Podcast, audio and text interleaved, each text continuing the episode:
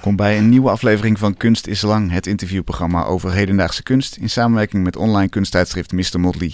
Je ziet ons live op Facebook via de pagina van Mr. Motley of je hoort ons natuurlijk via podcast of ook live op Amsterdam FM.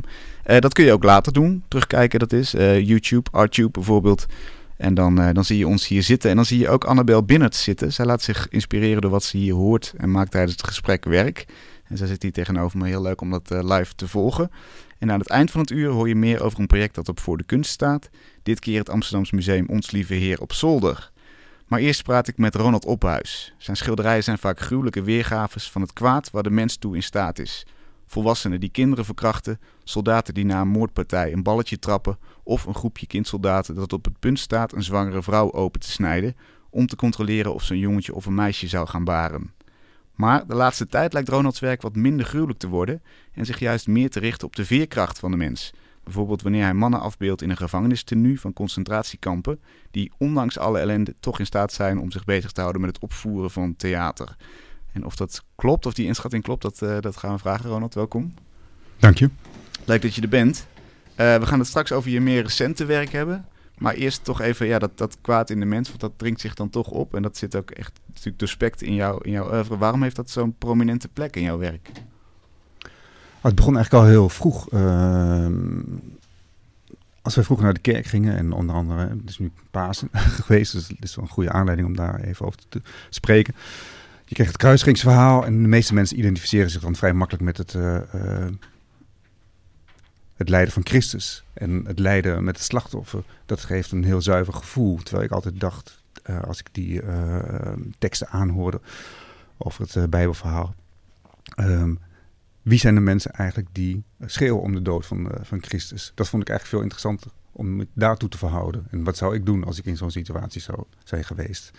En um, dus ik gebruik eigenlijk die schilderijen als een soort, nou, een soort om na te denken over het negatieve, het, kwade, uh, de schaduwkanten uh, van de mens. En um, op een gegeven moment dacht ik van het is eigenlijk interessanter om de daders te schilderen uh, vanuit een niet-moralistisch perspectief. Zodat je ja, je best moet doen om begrip op te brengen van waarom mensen in staat zijn tot dat soort daden. Ja, moeilijker ook lijkt me. Het is veel moeilijker. Het stuit natuurlijk op veel meer weerstand. Ook, uh, natuurlijk ook bij mezelf.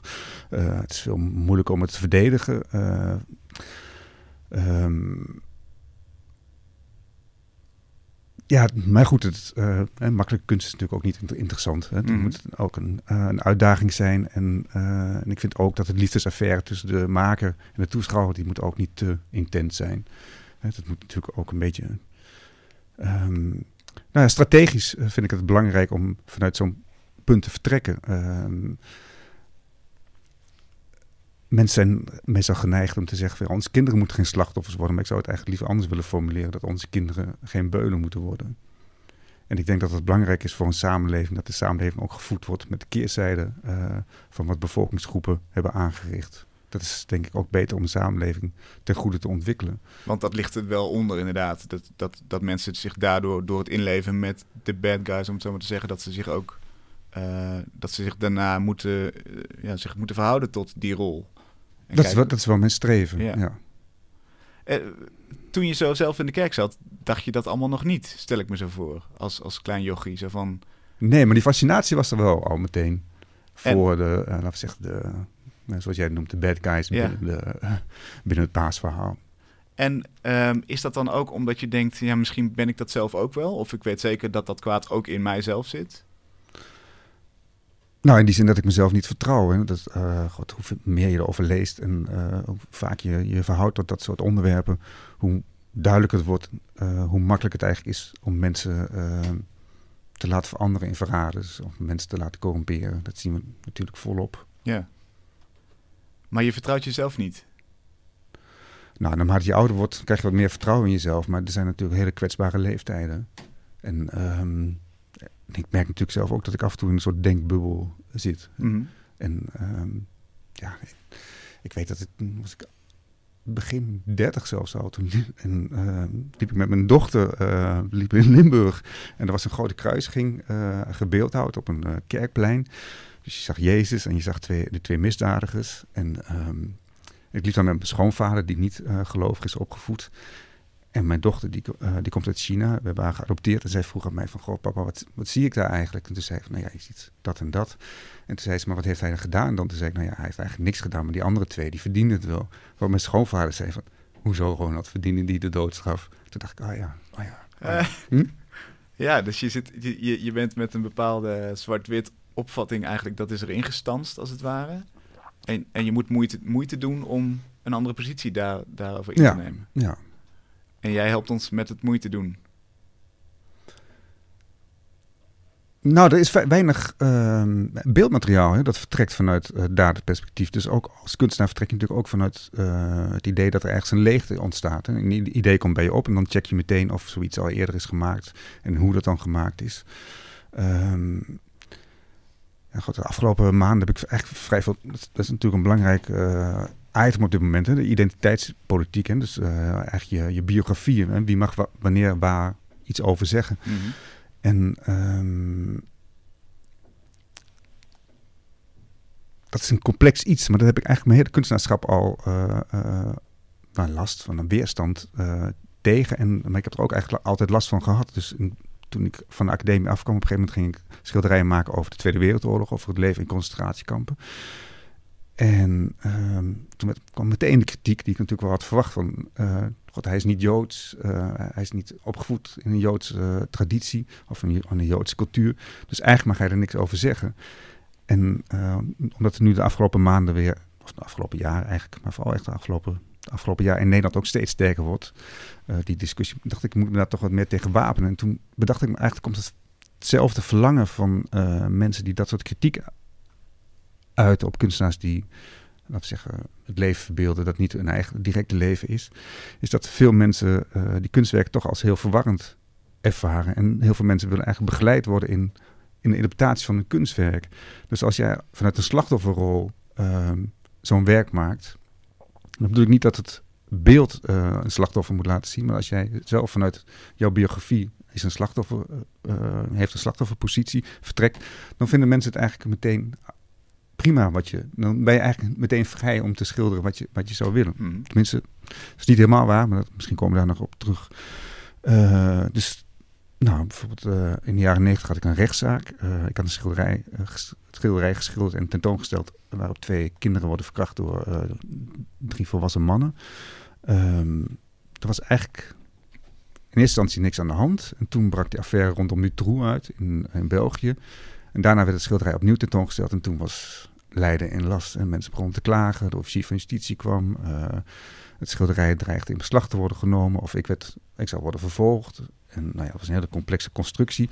Uiteindelijk mondde het uit in een rechtszaak die ik dan won. En tegelijkertijd toen had je ook... Uh, het programma bestaat eigenlijk nu nog steeds. Nou, af en toe bij de Wereld Draait Door. Hè, het Lagerhuis. Dat programma had je toen. En toen, daar werd ik toen voor uitgenodigd. En dan had je... Uh, ik die hele zaal in zekere zin tegen mij. Waaronder de beroemde Henk Bres, die natuurlijk Voor de woedend... Ja, precies. Ja? Woedend opstond. Wat was dan de stelling? Mag je zo'n schilderij maken of niet? Ah, oké. Okay. Jij, jij, was zelf de stelling? Ja, ik ja, was okay. ja. in zekere een stelling. Ja. En toen dacht ik van, nou oké, okay, ik kan me nu eindeloos verdedigen. En toen, maar toen zei ik tegen de zaal van, ja, maar stel nou dat het mij is overkomen. Mag ik dat dan niet schilderen? En toen was het meteen doodstil. Terwijl het schilderij niet verandert. Hmm. En volgens mij is dat hetzelfde als uh, wat nu heel erg speelt. Of je iets mag schilderen uh, wat eigenlijk zeker in zwarte thema's zijn. Ja. Ja. Maar het heeft ook met een machtsverhouding te maken natuurlijk. Als je het hebt over die, over die zwarte thema's. Je zou kunnen zeggen, ja, het, het is tijd dat, uh, dat, dat, dat zwarte minderheden de, het vol op het podium krijgen om te zeggen wat ze willen zeggen. En, en dan past het misschien als je als, als witte meerderheid dat je dan even je mond houdt.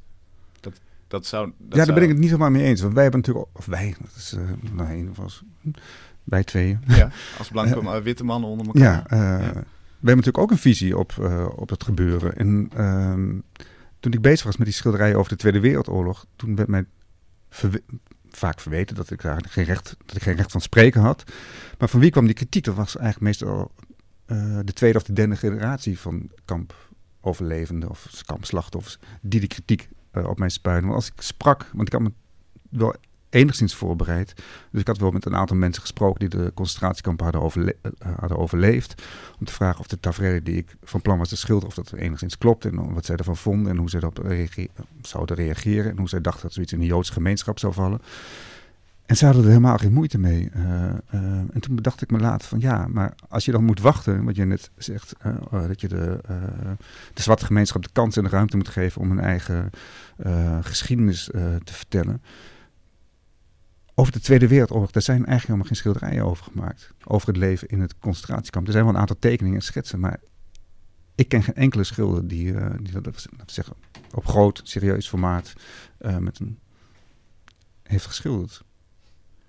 En binnen die zwarte gemeenschap geldt misschien soms wel voor hetzelfde. Dus ik ben er wel voor om ze uh, die ruimte te geven. En waarom zou ik daar te tegen zijn? Um, maar het hoeft niet exclusief te zijn. Maar ik vind niet dat wij hoeven te wachten. Weet je, het beeld moet beoordeeld worden. Een, een ander dilemma is misschien wel dat je, uh, dat je zou kunnen denken dat binnen de uh, zwarte gemeenschap, dat er een ander soort beeldcultuur ontstaat. Een, laat zeggen, een ander visueel beeld, een andere stijl, een andere stijlvorm. En nou ja, zoals we allemaal weten, is dat een stijl heeft tijd nodig om uh, gewenning te vinden in de samenleving. Dus in die zin zou je misschien wel kunnen wachten. Hè? Maar goed. Uh, even, even terug naar het onderwerp zelf, dat, dat, dat kwaad. Eigenlijk, wat, wat blijkt uit je schilderij, is dat je wilt dat het leed zo, ja, zo schrijnend mogelijk naar voren komt. Als kijker moet het me echt raken. Ja, het is wel de bedoeling dat, dat, dat ik je pijn doe, in zekere zin. Want ik denk als je uh, mensen wil laten oordelen, mensen moeten. Als je wil dat mensen nadenken over uh, wat ze zien, dan moet je ze e emotioneren.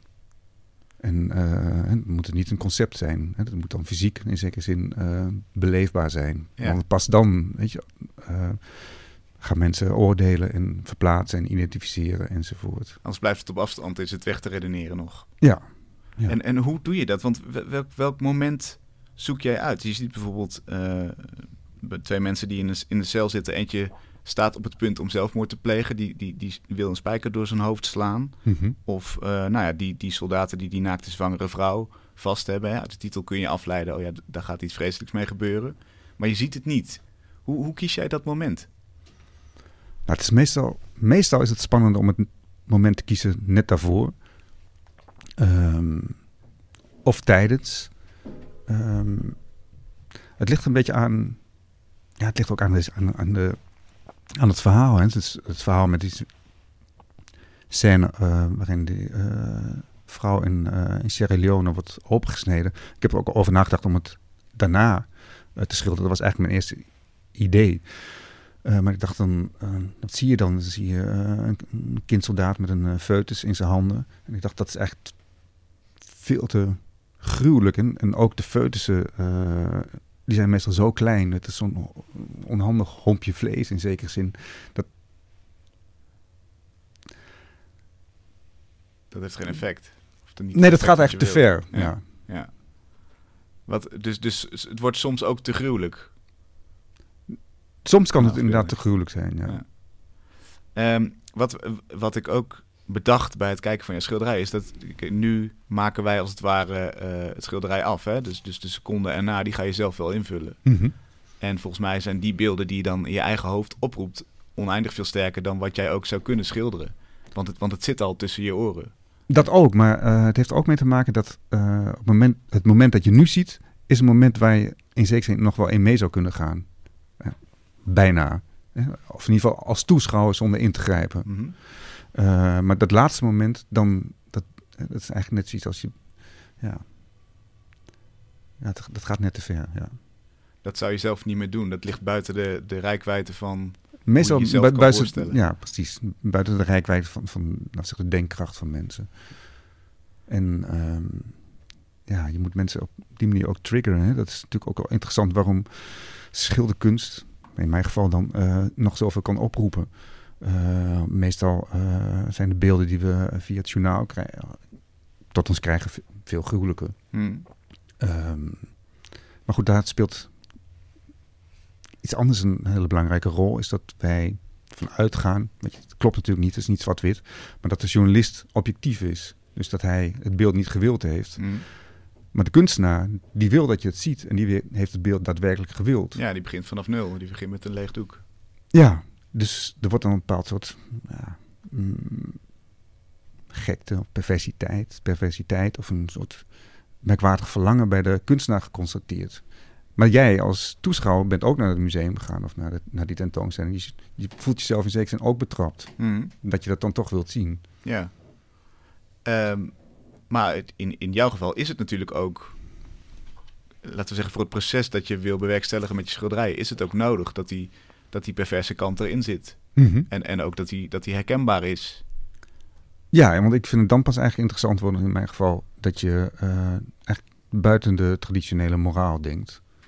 En ehm, ja, toen ik op de academie zat en toen we natuurlijk les kregen, want op de middelbare school hadden we dat natuurlijk ook, maar op de academie ging het wat verder over de beeldenstorm en de rol van eh, propaganda binnen de beeldende kunst in, eh, eh, in eh, dictatoriale regimes.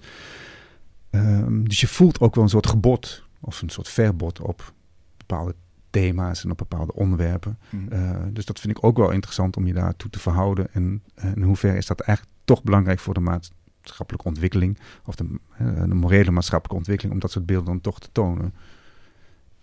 Maar soms uh, is het ook dat je, um, dat je zelf boos bent. Soms is het dat je eigenlijk dat je schrikt dat je niets voelt bij een, uh, een reportage. Wanneer had je dat bijvoorbeeld? Kun je daar eens een voorbeeld van geven? Nou, bijvoorbeeld over die burgeroorlog in Sierra Leone. Daar voelde ik eigenlijk niet zoveel bij. Dat was zo ver weg. Maar ook over de Tweede Wereldoorlog. Uh, het leven in de concentratiekampen. Dus wat je eigenlijk vaak krijgt met geschiedenisles zijn de, uh, zijn de conferenties uh, waarop alles besloten is, de, de cijfers. Maar het beeldmateriaal is, was minimaal. En uh, sociaal gezien, zeg de, de, de biografie of de autobiografie die kreeg je niet op de middelbare school. Dus het was ook een soort verlangen om, om meer te voelen wat daar gebeurd is. Maar dat is ja, dus voor de wonderlijke taak om die geschiedenis weer tot leven te brengen in een zo gruwelijk mogelijk schilderij. Ja, nou, niet alle schilderijen zijn even nee, dat gru gruwelijk. Nee, nee, dat, ze hebben ook niet allemaal hetzelfde uitgangspunt. Maar, um, en dan ineens kun je... Ja, dat triggert hem ook mijn, mijn, mijn morele uh, gedachtegang. Dus bijvoorbeeld over die concentratiekampen. Dus er zijn een aantal schilderijen die, laat zeggen, het Samarit, ja, de, de sympathiek van de kant van de mens laat zien. Waarop mensen elkaar helpen, waarop mensen elkaar schoonmaken. terwijl er hevige infectiegevaar is. Mm -hmm. Maar er is bijvoorbeeld ook een scène waarop twee kampbewoners een andere kampbewoner verkrachten. Dus ik dacht, in die setting, weet je, het slachtofferschap maak je ook niet heilig. En dat was eigenlijk wat ik wilde aantonen in dat schilderij. He? Ja, je bent en, niet gevrijwaard van, van alle uh, morele bezwaren, omdat je zelf toevallig slachtoffer bent. Nee, in tegendeel. En dan is het ook nog eens zo dat onder zo'n uh, regime of uh, in zo'n situatie is het ook nog eens heel moeilijk om je rug recht te houden. Weet je, als alles corrupt is om je heen, nou, dan wordt het natuurlijk ook vrij moeilijk om zelf heel te blijven of ja. zuiver. In hoeverre moet jij dat snappen als je, als je zo'n schilder, schilderij maakt? Moet je in de huid van zo'n dader kunnen kruipen? Ja, maar het is niet dat ik het. Uh, ik vertrouw wel enorm op mijn intuïtie. Dus het idee komt. Uh, ik maak een tekening. En soms is het dan te heftig. Dan moet ik er, eh, laat ik zeggen, een tijd over nadenken. Of in ieder geval het uh, ja, accepteren dat ik dat wil doen. Hmm. Maar uh, intellectueel hoef ik het niet helemaal uit te kunnen leggen voor mezelf. Intuïtief denken, daar vertrouw ik genoeg op om, om zo'n schilderij al de maatschappij in te sturen. Ondanks dat ik zelf nog onzeker ben over. Maar, zo'n verkrachtende uh, gevangene in een concentratiekamp. Wat, wat is er voor jou, voor jou nodig mentaal om, om zo'n figuur te kunnen schilderen? In hoeverre moet je je daarin kunnen inleven? Nou, die shock van het idee, die moet even uh, verdwijnen. En uh, dat inleven, ja, dat gaat eigenlijk vrij... Dat, ja, dat gaat eigenlijk in een split second. Dat je denkt van, oh, er is zoveel vrijheid. Eh, ehm, er is eigenlijk geen, geen politiemacht in zekere zin die dat soort dingen controleert. Mhm. dat heb je natuurlijk ook in burgeroorlogen. En dan valt justitie eigenlijk ook helemaal weg waarop mensen ineens hele andere dingen gaan doen die ze normaal niet zouden doen. Dus als die beschaving dan wegvalt, ja, dat is echt. Dat is voor mij zo makkelijk om dan te bedenken wat mensen zouden kunnen doen. Maar ook wat je zelf zou kunnen doen daarmee?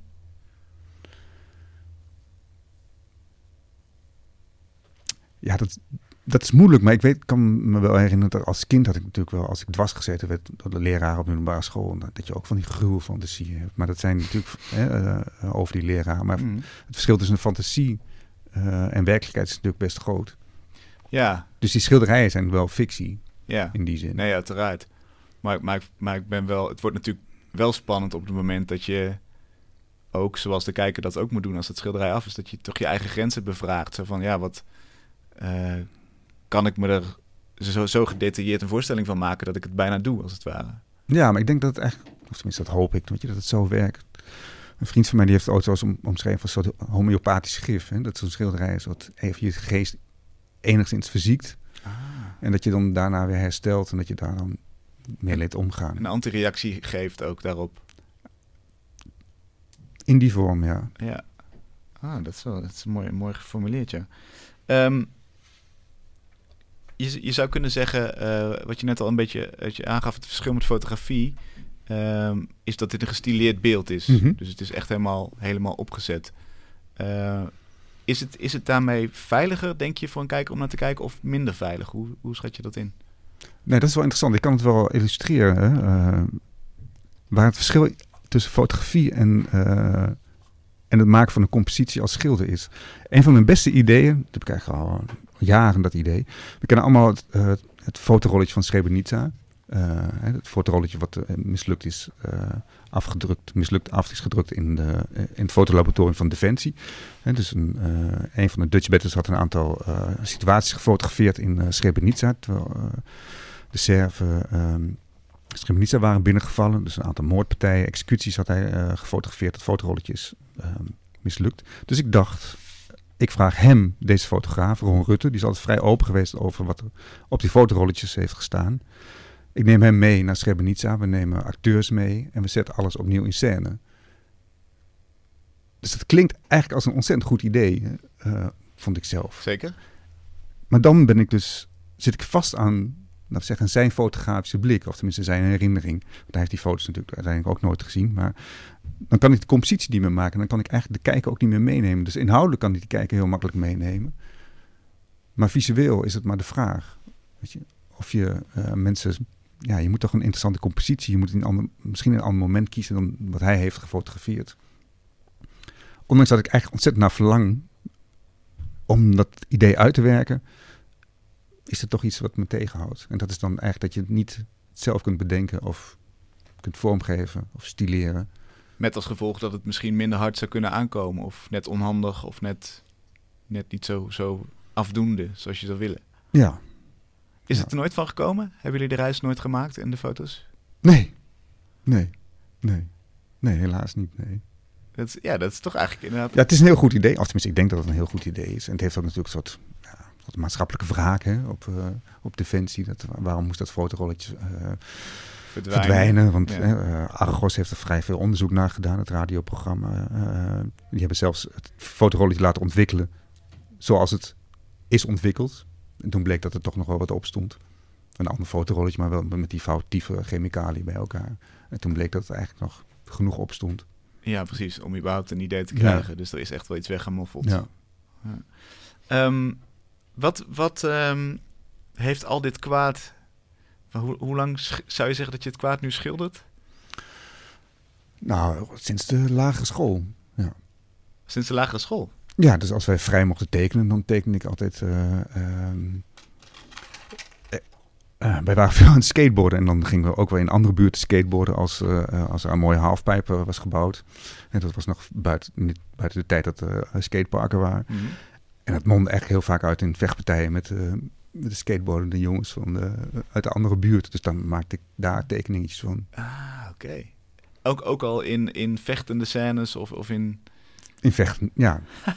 Wat goed. Maar dat was dan wel een beetje strip, een beetje met een bam, weet je wel. En een, eh, Ja, ja, eh, nou ja, je kent die vormpjes wel, die erbij horen. Ah, wauw. Maar, maar, maar toch misschien niet in een poging om je in hen te verplaatsen al destijds. Nee, maar dat was misschien een soort verwerkings... eh, Ja.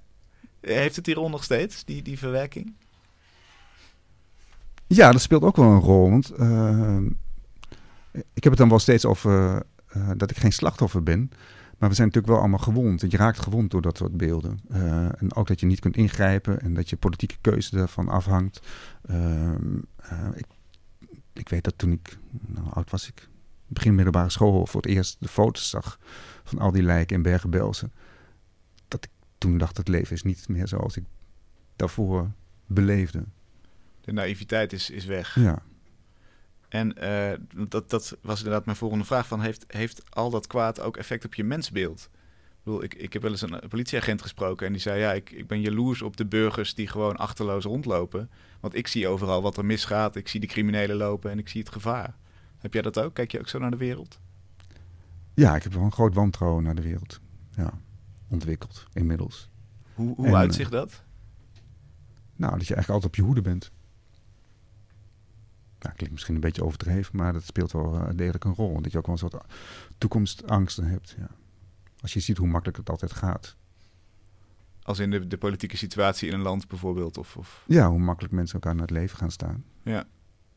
En, en werkt dat ook op individueel niveau door bijvoorbeeld dat jij op, op een verjaardag iemand tegenkomt en dat je denkt van ja, we hebben nu een heel fatsoenlijk gesprek, maar er zit ook in jou een hele duistere kern? Nee, zover gaat het niet. Ik ben wel ook een echt een optimist in die zin. Of tenminste, een ik heb een vrolijke inborst. Ja. En, eh, dus ik snap ook niet dat, dat, dat die er nog steeds is. Maar ja, eh, het is wonderbaarlijk hoe makkelijk mensen eigenlijk eh, kunnen functioneren. Ondanks dat ze de kennis bezitten van hoe slecht een mens eigenlijk kan zijn. Ja. Maar misschien is dat de hele reden dat je überhaupt zulke soort schilderijen maakt. Dat wij een soort van heel goed functionerend eh, kopingsmechanisme hebben wat heel veel leed wegduwt. En, en misschien ook de reden dat, dat eh, conflicten in Afrika veel verder van je af voelen. Ja. Dat letterlijk zijn ook natuurlijk, maar ook buiten blijven, emotioneel gezien. Emotioneel gezien en ook eh, fysiek gezien. Hè? Dus als je iemand ziet die uit een andere cultuur komt, dan is het al minder makkelijk om je ermee te identificeren. Ehm, ik ken het zelf zo goed uit eigen eh, ervaring. Eh, onze dochter is Chinees. En als, als ik dan met mijn broertje op vakantie ga, vooral vroeg, en ik kwam terug en zij opende de deur, dacht ik, oh jezus, ah ja, ze is echt Chinees, dacht ik dan. Terwijl Oh, eh, normaal gesproken is het gewoon mijn dochter, maar als ik haar dan een week niet had gezien, dan dacht ik, oh ja, oh ja. Maar goed, het verdwijnt natuurlijk weer, maar je hebt altijd, maar zelfs tussen man en vrouw, Ja, heb je, oh ja, jij bent een man. Dat, dat, is meteen, dat denk je eigenlijk altijd, onbewust. Ja dat is je brein die meteen hokjes aanvinkt voor, eh, om, om te begrijpen wat hij ziet. Of dat je, de- ja, dat je denkt dat je begrijpt dat hij, eh, te dat, dat hij dichter bij jou ligt, waardoor je je makkelijker identificeert met. Ja. Maar dat is toch ook, ook frustrerend? Dat je dus, dat je, dus je eigen dochter, eh, dat, je- dat daar een soort afstand tussen groeit. Ja, die afstand verdwijnt natuurlijk heel makkelijk als je weer even met elkaar in gesprek bent. Maar als je elkaar even niet ziet, dan is dat. eh, Ja, maar dat is toch een treurig besef dat we blijkbaar zo gebouwd zijn. Dat, dat, dat je dat nou, het niet is wel chockerend, ja. kan overbruggen. ja. Ja, dan, dan, ja, in die zin snap ik dan ook wel de, de wantrouwen. Dus misschien meer de wantrouwen in hoe we fun- fundamenteel gemaakt zijn. Mhm. En dat het moeilijk is om dat eh, te lijf te gaan, ja. Ondanks dat je... Hè, ik kan er heel vrij open over spreken en eh, ik kan erover reflecteren. En, maar goed, sommige elementen zijn niet zo makkelijk te verbannen uit je geest. Nee. Dat wetende, denk je dan ook niet van ja, wat, wat doe ik dan eigenlijk met mijn schilderijen? Gaan die schilderijen dan ooit een effect hebben? Ja, dat zijn van die vragen die, eh, die kan ik natuurlijk niet beantwoorden. Hè. Dat is aan de maatschappij. Hoe, het is alt- altijd een belangrijke vraag natuurlijk voor een maatschappij. Hoe willen we ons eh, zelf herinneren? En dat is iets wat de samenleving moet doen. Eh, dus dat soort discussies hou ik wel in mijn hoofd, in mijn atelier. Maar dat in mijn, nou, in mijn atelier telt geen, telt alleen ik. Mhm. Tel alleen ik, bedoel ik. Ja. En, ehm, dus je kunt niet nadenken over andere mensen in, in zekere zin. Ook al denk je dat je dat wel, wel kunt, maar Ja, nee, nee, nee, je kunt niet reacties inschatten. Je zou wel kunnen zeggen, ik, ik, verlies, het, ik verlies überhaupt de hoop dat zo'n schilderij iets teweeg kan brengen in die, in die fundamentele hersenpatronen waar we het net over hadden. Ja, dat denk ik niet. Want als ik vanuit een, uh, vanuit een negatieve denk, dus uh, negatieve opbouw van uh, een beeldcultuur. Dus dat, dat je onder, wat, waar we in het begin van dit gesprek over hadden, over de beeldenstorm, over hoe nu in dictatoriale regimes bepaalde beelden worden verlangd. Hè, de, de leider moet worden verheerlijkt, de kritische werken over wat zich afspeelt in, in de gevangenis, die mogen niet getoond worden. dat de goelachen bestonden, is bijna helemaal verdwenen. Dat, dat, historisch besef in, in Rusland. Um, ja, dus als de samenleving die kant op gaat. Dus ik denk dat, dat je wel altijd dat gif moet blijven uh, maken. Ja. En dat, dat afbeeldingen verboden worden of, of in een bepaalde richting geduurd worden, geeft ook aan wat de kracht van afbeeldingen kan zijn natuurlijk. Ja, eigenlijk nog meer dan, uh, dan de, complimenten. Laten we eens naar de afbeelding aan de overkant uh, gaan kijken. Annabel, pak de microfoon erbij. Wat, wat ben je aan het maken ondertussen? Ja, ik ben eigenlijk vooral bezig met het tekenen van allemaal lege kamers. Oké. Eh, ik, ik vond het heel mooi, Ronald. Aan het begin zei je iets van. Kijken, ik heb het opgeschreven. Als kunstenaar vertrek je vanuit het idee dat er ergens een leegte ontstaat. En dat vond ik heel mooi, dat je dus eigenlijk op zoek bent naar iets wat er niet is, zodat je het kunt gaan maken. En ik zag meteen heel erg voor me als beeld van je komt binnen in een lege ruimte of zo en je denkt, oké, hier, hier kan ik iets mee opvullen. En toen had je het later over het werk wat je gemaakt had, wat uh, eigenlijk niet mocht bestaan. En toen dacht ik, dat vind ik een heel mooie. Er zit een heel mooi soort link tussen of zo, dat je op zoek bent gegaan naar iets wat er nog niet was. En toen heb je het gemaakt en toen zeiden mensen van, nou, we vonden eigenlijk uh, liever niet. Het, liever dat het er niet meer is of zo. Dat vond ik heel mooi, dat je soort leegte, ja, leegte die je zoekt, waar je in kunt zijn. Ja, en dus dat, daar ben ik nu verschillende versies van aan Ja, precies. Dat vertaalt zich naar hele abstracte... Hele simpele, uh, simpele tekeningen. Mooi. Oh, nou, het is wel interessant. Kan, kan ja, ja, ja, reageer Nee, maar dit is, dit is wel waanzinnig interessant. Want als je een ruimte uh, gebruikt in de schilderij... neemt het identificatieproces enorm toe. Mm -hmm. En sinds... Uh, wat, hoe heet die film ook weer? Van Orson Welles... Um, de allerberoemdste film van Orson Welles. Uh, oh, oh, nu wordt het een quiz. Uh, ik, ik weet maar in ieder geval, hij zei van uh, dat hij. Hij zei in ieder geval: Ik ben de eerste filmmaker die het plafond ook filmt. Hmm.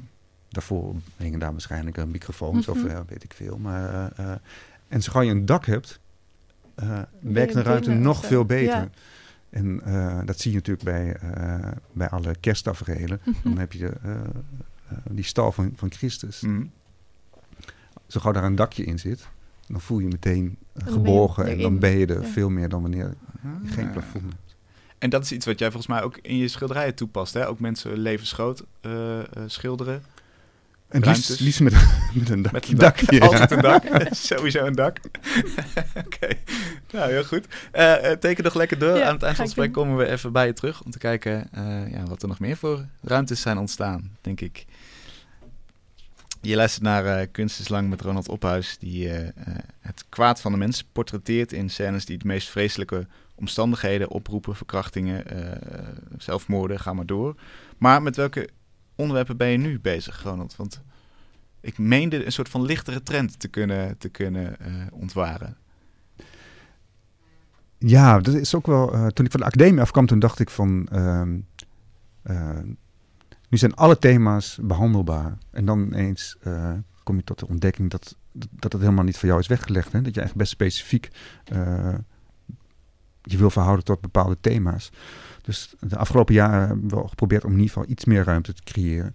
En uh, iets wat altijd wel aanwezig was in mijn atelier waren schilderijen van, of tenminste afbeelding van schilderijen van kunstenaars uit vervlogen tijden die het pastorale boerenleven schilderden. Dus dat is Van Gogh. Maar je hebt ook een hele mooie Italiaanse schilder uit die tijd, Secantini. Um, je hebt een prachtige, een beetje naïeve, nou, naïef klinkt een beetje raar, maar ehm, dat zegt, hij werkt in de traditie van de folk art. Horace Pippin, een Amerikaanse schilder. die ook een soort gelijke boerentaferelen schilderde. En ik dacht, ik wil nog één keer zo'n po een poging wagen om te kijken of je dat ook naar nu kunt tillen. Hè, want die beelden, dat beeldmateriaal is eigenlijk verdwenen richting de volk, volkskunst. Hm. Ehm, En wat is de aantrekkingskracht dan van dat beeld? nou, het is ook een... Ja, het is echt die warmte en het verlangen naar die tijd. Het is eh, ook een soort verlangen naar stilstand. Ehm, het is ook een soort oerbeeld, wat, echt wat we allemaal kennen. Van die koe in die stal, in een oude stal met hooi en spinnenwebben en vliegen. En, ehm, maar dat het eigenlijk zo ver van ons af is gaan staan, of in ieder geval van mij. Want mijn opa was een kleine boer en er zaten een aantal boeren in de familie. En ik woonde aan de buitenkant van, een, eh, van Hengelo. eh, dus er zaten ook een aantal boerenkinderen bij ons op school. Dus waar we dan gingen spelen. Dus voor mij, was voor mij eigenlijk een vrij normale eh, omgeving om daar ook te zijn, gedeeltelijk. Dus ik wilde één, dat is misschien niet in de vorm van een jeugdherinnering, maar ik wilde gewoon kijken of zoiets nog mogelijk was om daar iets mee te doen. En En het is natuurlijk, het is natuurlijk te maken, maar iets mee te doen bedoel je... dat het aan zou slaan, Ja, ook- maatschappelijk. Ja, ja. precies. En hoe doe je dat? Want, want eh, grappig dat je deze aanhaalt. Eh, in een oud interview eh, zei jij, ja, ik, ik moet geprikkeld raken. Hè? En, en je zei letterlijk, gewoon een koe schilderen zou me nooit lukken. Nou, nou kom ik een paar maanden geleden op Art Rotterdam. En, en wat hangt daar? Meters groot. En een zwarte stal met een, een liggende koe erin van jouw hand. ja, Wat, wat, is er, wat is er gebeurd in de tussentijd? dat is wonderlijk. Maar toen ik in die tijd over die koe sprak, toen dacht ik altijd nog aan een koe buiten. Maar toen ik die schuur tegenkwam, ik fotografeer eigenlijk altijd wel schuren als ik eh, ergens ben, ook om, eh, voor, om het gebruik van ander materiaal. Toen dacht ik ineens, dit is echt de plek die... eh, Het is ook weer het dakje dus, wat het verschil maakt. Daar zit een heel klein dakje in, hè, waar, waar de hooibalen nog weer op liggen. Maar goed, dat dakje is bijna ingestort, dus er lag, er lag geen hooi meer op. Maar, Ja. Maar wat, wat, wat maakt dat de koe nu wel tot zijn recht komt? Of dat, dat, dat hij wel in, jouw interesse heeft? En overeind blijft in de schilderij? Nou, het had ook mee, te maken dat ik me gewoon even helemaal had afgesloten van alle eh, andere prikkels. Ehm, dus normaal gesproken lees ik altijd weet je, alle rapporten van, eh, of alle, maar het is overdreven, maar veel rapporten van Amnesty. eh, ik kijk veel interviews over wat er in de Arabische wereld gebruikt via, via YouTube en Al, Jazeera. eh, ehm. en op een gegeven moment dacht ik, nee, ik wil even nadenken over mijn toekomst en ik wil gewoon even geen prikkels die, die sterker zijn dan, dan zo'n pastoraal stilleven in zekere zin. Ja. Dus dat ging, dat ging eigenlijk wel, maar nu is het wel weer tijd voor iets anders. En, en eh, hoe zorg je dat dat toch een interessant schilderij wordt? Want, want eh, als, als kijker zou je kunnen denken... ik ben die hele heftige beelden van jou gewend. Eh, en, en dan ligt er ineens een koe in een stal. Ja, dat, wat, dat was wel een openbaring. Ja. Als ik eenmaal bezig ben met het schilderij, dan maakt het onderwerp eigenlijk niet meer uit. Hmm. Ik dacht altijd van, eh, ik moet me ook nog, eh, die denkmal die moet blijven, eh, kunnen blijven functioneren. En, ehm, maar als je eenmaal bezig bent, dus je hebt het onderwerp in zekere zin achter je gelaten, dus je weet hoe je het qua compositie in elkaar wil zetten, dan hou je eigenlijk alleen nog maar bezig met de esthetiek van, van de verf. En daar kun je zo in opgaan dat je eigenlijk die andere dingen vergeet. Dus het was voor jou in eerste instantie ook een, even een uitstapje. Even rustig. Ja, maar je moet het, ja, maar goed, het is wel iets. Je moet er of in mijn geval moet je er wel mee oppassen. Hè? Want, eh, ik heb ook een ander. Tegelijkertijd was ik bezig met een ander dier. En toen hebben we even gedacht om het op de, eh, tijdens die tentoonstelling om ze bij elkaar te hangen. Maar dat gaan ze elkaar besmetten en dan word je een soort dierenportretist. Dus En dat wil je niet zijn. Nog niet, nee. Nog niet. Maar is dit een, is dit een eh, vooruit, vooruitblik op jouw, eh, jouw rustigere fase, laten we zeggen? Over twintig jaar schilder jij alleen nog maar dieren? Of, of hoe? Nou, die liefde die was er altijd. Dus op de academie heb ik ook wel eens een koe geschilderd. En eh, een aantal andere dieren. Maar je moet een beetje, je moet het doseren. Ja, en het was even tijd voor, voor tegengewicht. Even, ja. Ehm, ik, ik meen dit ook te kunnen zien dus aan, aan, wat ik zei, de, de, de concentratiekampgevangenen, om het zo maar te zeggen. Er zijn er twee die, en die doen aan theater. Hè. Ze zijn Mhm. gesminkt als clowns. Eh, Ja, het is wel goed om te zeggen dat ze, ze zijn al bevrijd. Hè? Dus in, eh, vanaf januari 45 werden het eerste concentratiekampen al bevrijd door de Russen. En Primo Levi eh, zat in een bijkamp van Auschwitz. Hij werd ook bevrijd door de Russen. Italiaanse schrijver. Ja. Mhm. En hij vertelt dan dat het hem bijna een jaar heeft gekost om thuis te komen. De infrastructuur in Europa was vernietigd. Ehm, hele grote gedeeltes van Europa waren nog in oorlog toen hij bevrijd was. Dus zij zochten een weg terug op zoek naar onderdak en voedsel. Dat deden ze vaak in groepen, dat was makkelijker. En wat ze dan af en toe deden, was dat ze theatervoorstellingen voor elkaar organiseerden. En toen hij dat schreef, maar de, de, scènes die hij beschreef, die kon ik eigenlijk niet schilderen. Niet omdat ze te gruwelijk waren, maar die leenden zich niet voor een visueel... ehm, voor een schilderij. En eh, Wat, wat waren dat voor scènes dan? nou, bijvoorbeeld dat ze een, eh, een, een, rijmpje opzegden. eh dat bestond uit drie zinnen. En steeds werd één woord vervangen door een handgebaar. Ah, En uiteindelijk werd het een soort pantoniem. Maar dat is natuurlijk on, onschilderbaar. Ja, dat is. Ja. Dus ik moest iets hebben. Maar wat ik wel eh, proefde eh, in zijn eh, tekst, was dat we- de wederopstanding. Ja, dus hoe je weer losmaakt van het zware verleden, wat je, trauma's en de dood en het verlies en de rouw. En dat je dan toch ineens weer, dat er weer plaats is voor kunst om weer, of door de kunst, er is weer plaats voor kunst en ook door de kunst dat je weer, ja, eh, weer terug probeert te komen in het maatschappelijk leven. Want eh, het is inderdaad een, een belangrijk detail, denk ik, dat ze, dan, dat ze al bevrijd zijn. Want, want in gevangenschap eh, krijgt die kunst een heel andere rol natuurlijk. Ja, ja, ze hebben dat wel eens gedaan. Het is niet die, scènes die ik heb, eh, maar er waren wel zeggen, stand-up comedians in het, eh, in het concentratiekamp die dan wel. Want op zondagmiddag hadden ze eigenlijk altijd vrij. Eh, weet ik niet in alle kampen, maar in heel veel kampen hadden ze op zondagmiddag vrij. En wat ze dan vaak deden, was dat ze naar de latrines tro- trokken.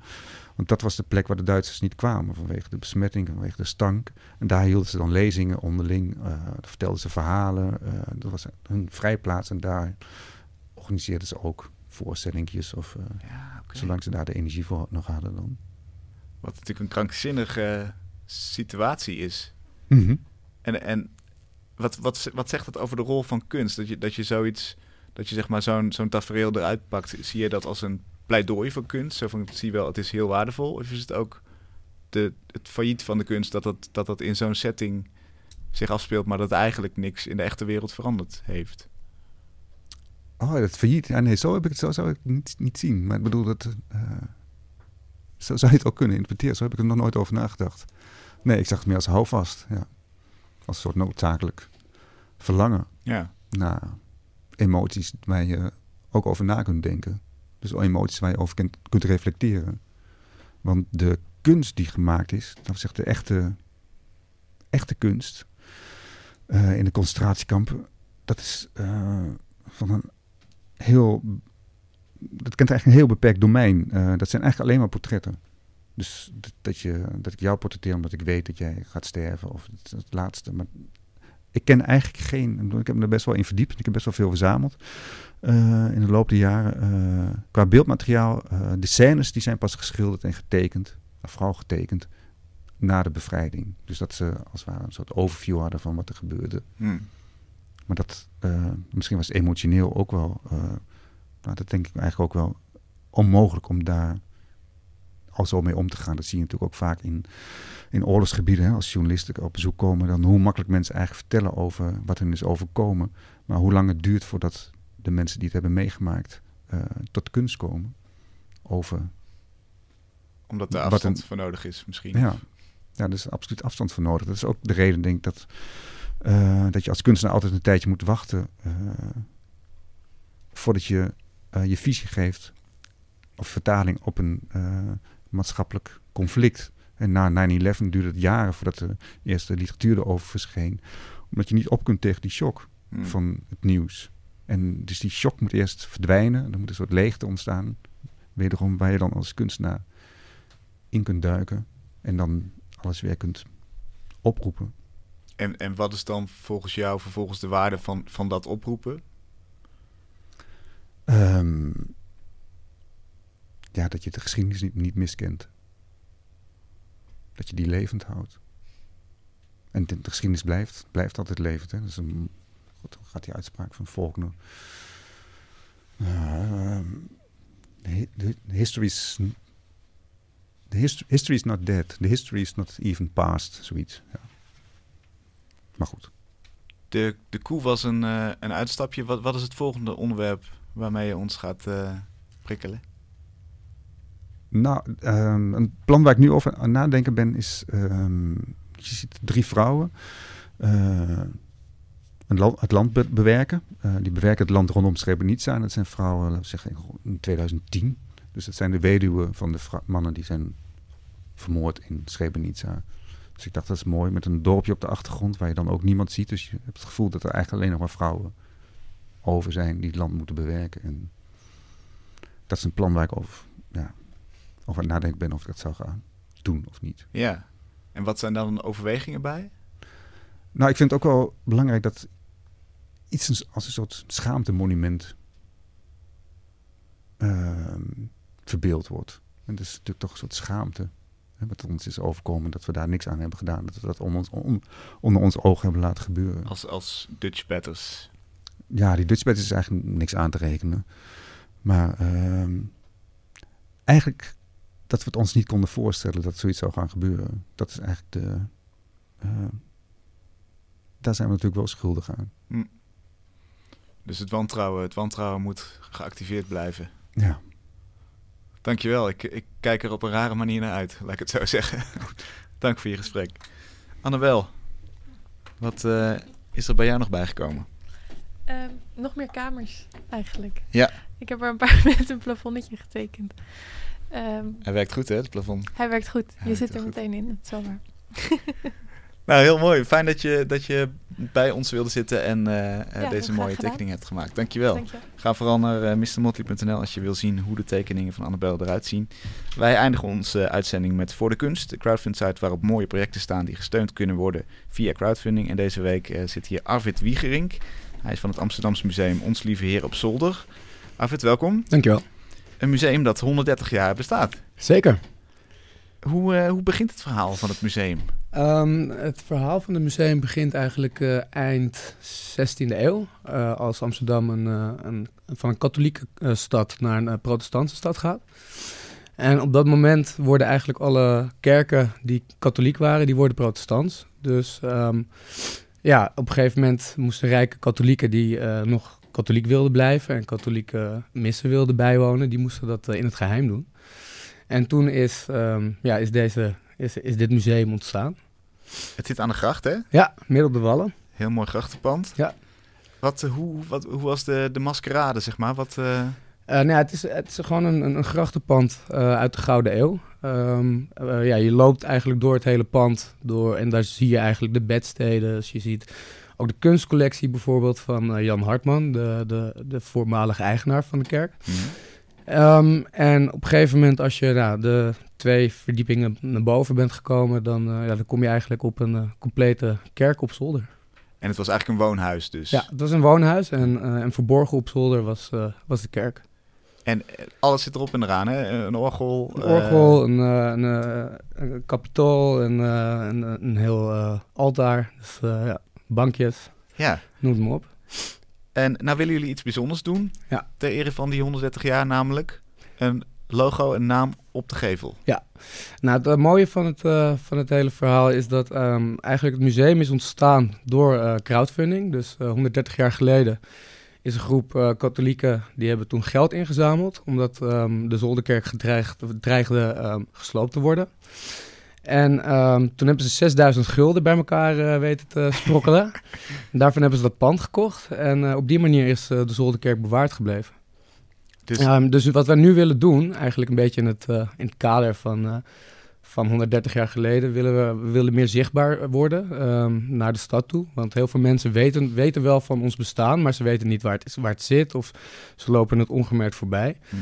En uh, daarom dachten we om 130 jaar later geld in te zamelen om ja, de, de letters en de benaming op de gevel van het pand te krijgen. Om nog meer mensen erin te trekken. Ja, dus die crowdfunding, dat zit in de hele geschiedenis van dit museum. Ja, het is echt een vroeg staaltje crowdfunding. Ja, ja, dat vind ik dan wel weer mooi. En, en welke rol uh, heeft het museum nu in de stad?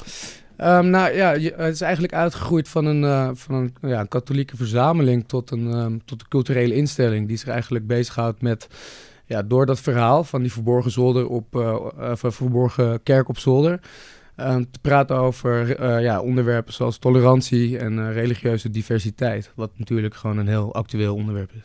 En hoe, hoe doen jullie dat? Zijn er lezingen, activiteiten? Um, er zijn lezingen, activiteiten. We hebben uh, het nieuwe pand en het oude pand. Um, en het nieuwe pand uh, ja, is eigenlijk veel meer uh, gekeken naar wat betekent religieuze diversiteit nu, wat betekent tolerantie. En daarnaast hebben we een, um, een onderwijsprogramma, dat heet Voices of Tolerance. En daarmee gaan we langs VMBO-scholen. Um, ja, om met die leerlingen te praten over nou, wat is tolerantie voor jou? Wat betekent religieuze diversiteit vandaag de dag in onze stad? en het is ook een doelgroep die we normaal ja, gesproken niet echt over de vloer krijgen. En op die manier ja, is dat heel erg leuk om te zien dat je dan toch een veel gemixter jonger publiek over de vloer krijgt. Die ja, een beetje bijna gedwongen wordt om, om daarover na te denken.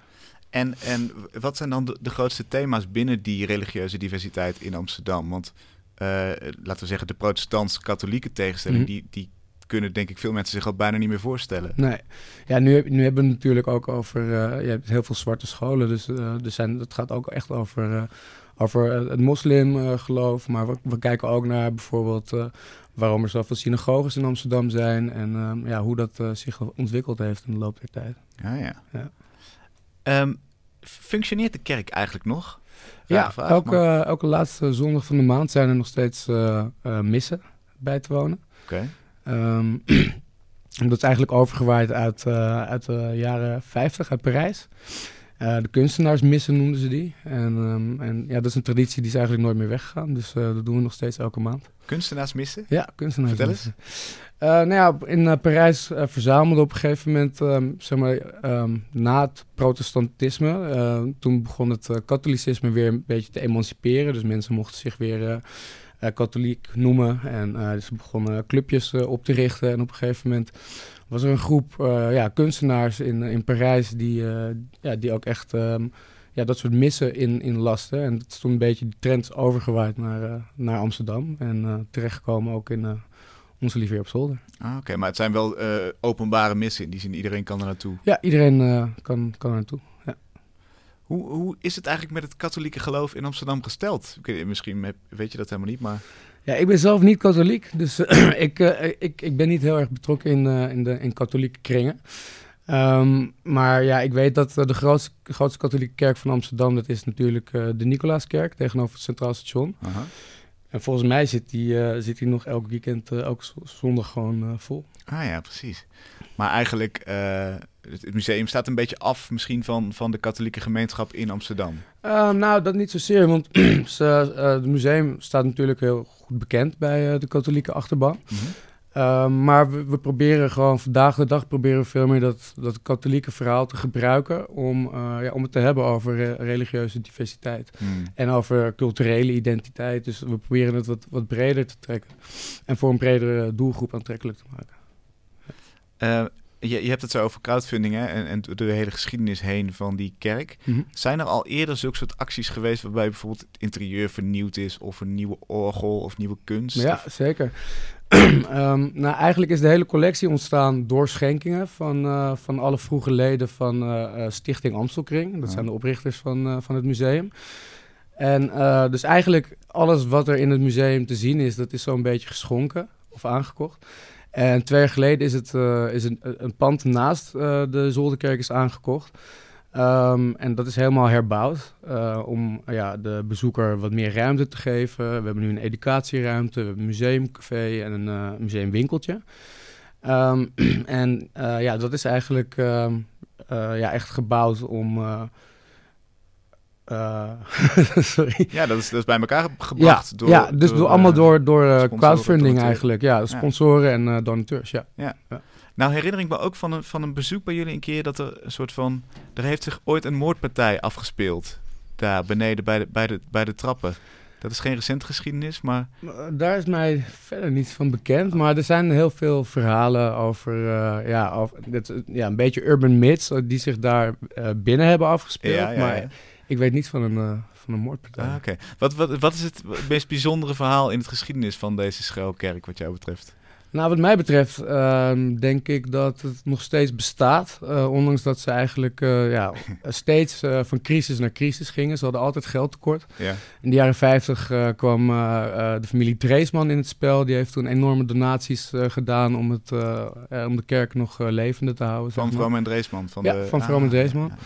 Um, dus eigenlijk als je de hele geschiedenis bij elkaar bekijkt, dan, uh, dan hangt het aan elkaar van, uh, van donaties. Ja. En uh, dat is ook wat we in de tentoonstelling rondom het 130-jarig bestaan willen laten zien. Um, ja, hoe eigenlijk die ontwikkeling is tot stand gekomen van, van groep katholieke verzamelaars um, en donateurs tot, een, ja, tot een culturele instelling die nog steeds uh, relevant is. Ja, en dat het überhaupt nog bestaat, dat zeg jij, dat vind je een van de... Dat vind ik, ja, vind ik heel bijzonder, want uh, ze hebben eigenlijk in de hele geschiedenis, hebben ze misschien wel vier, vijf keer echt op het randje gebalanceerd van uh, faillissement. En er waren er steeds weer ja, mensen die, die, die, die ze uit de brand hielpen door te doneren. En het dak stond op instorten. Um, ja, allerlei van dat soort uh, verhalen. Dat echt uh, ja, de toekomst uh, niet zeker was. En, en nu 130 jaar later gaat het hartstikke goed met het museum. En, Voor mensen die er nog nooit zijn geweest, wat, wat is nou het pronkstuk? Waar, waar, waarvoor moet je eigenlijk echt in ieder geval één keer naar binnen zijn Nou, het bijzondere aan het museum is dat je uh, er eigenlijk ongemerkt langs loopt. en dat is ook een beetje ons probleem dus. Hè? Ja. Daarom doen we de crowdfund-actie. Ja. maar je ziet helemaal niks van buiten. Dus uh, je ziet ook geen, geen kruis op het uh, dak of geen, geen, geen franje. Het is echt een, ja, een, een 17e eeuws woonhuis eigenlijk. Ja. Uh, er staat nergens kerk op de gevel. Uh, mensen moesten vroeger ook via de, de uh, steeg en de zijkant moesten ze naar binnen. Um, en ja, je gaat echt door een, door een pand. Je verwacht het niet. En op een gegeven moment kom je op zolder. En daar is het gewoon de, de, ja, de, de, het plafond is weggehaald, waardoor je veel meer hoogte hebt. En, en, en, daar is in één keer het altaar met al zijn pracht en praal. En een, en een enorm uh, orgel en, en, en kerkbanken en alles erop en eraan. Dus ja, dat is gewoon, dat is eigenlijk echt het hoogtepunt van het uh, museum. Dat verwacht je niet. Ja, je hebt mij, uh, je hebt mij om. ik, uh, ik, ga, ik ben al een keer geweest, maar ik ga alsnog. Dankjewel. Ja? Binnenkort dus hopelijk ook met uh, de steun van de luisteraars. En met een heel mooi logo en met tekst ja. op de gevel. De tentoonstelling die gaat van start op 24 april. Oké, okay, goed om te weten. Dankjewel, Dankjewel Arvid. Dit was Kunst is Lang voor deze week. Ga naar Mr. Motti als je meer informatie wil over het werk van Ronald Ophuis. En dan zie je ook wat Annabel hier in de studio heeft gemaakt. En volgende week zijn we er natuurlijk weer. En dan zit architecte Anna Makic hier. Heel graag tot volgende week.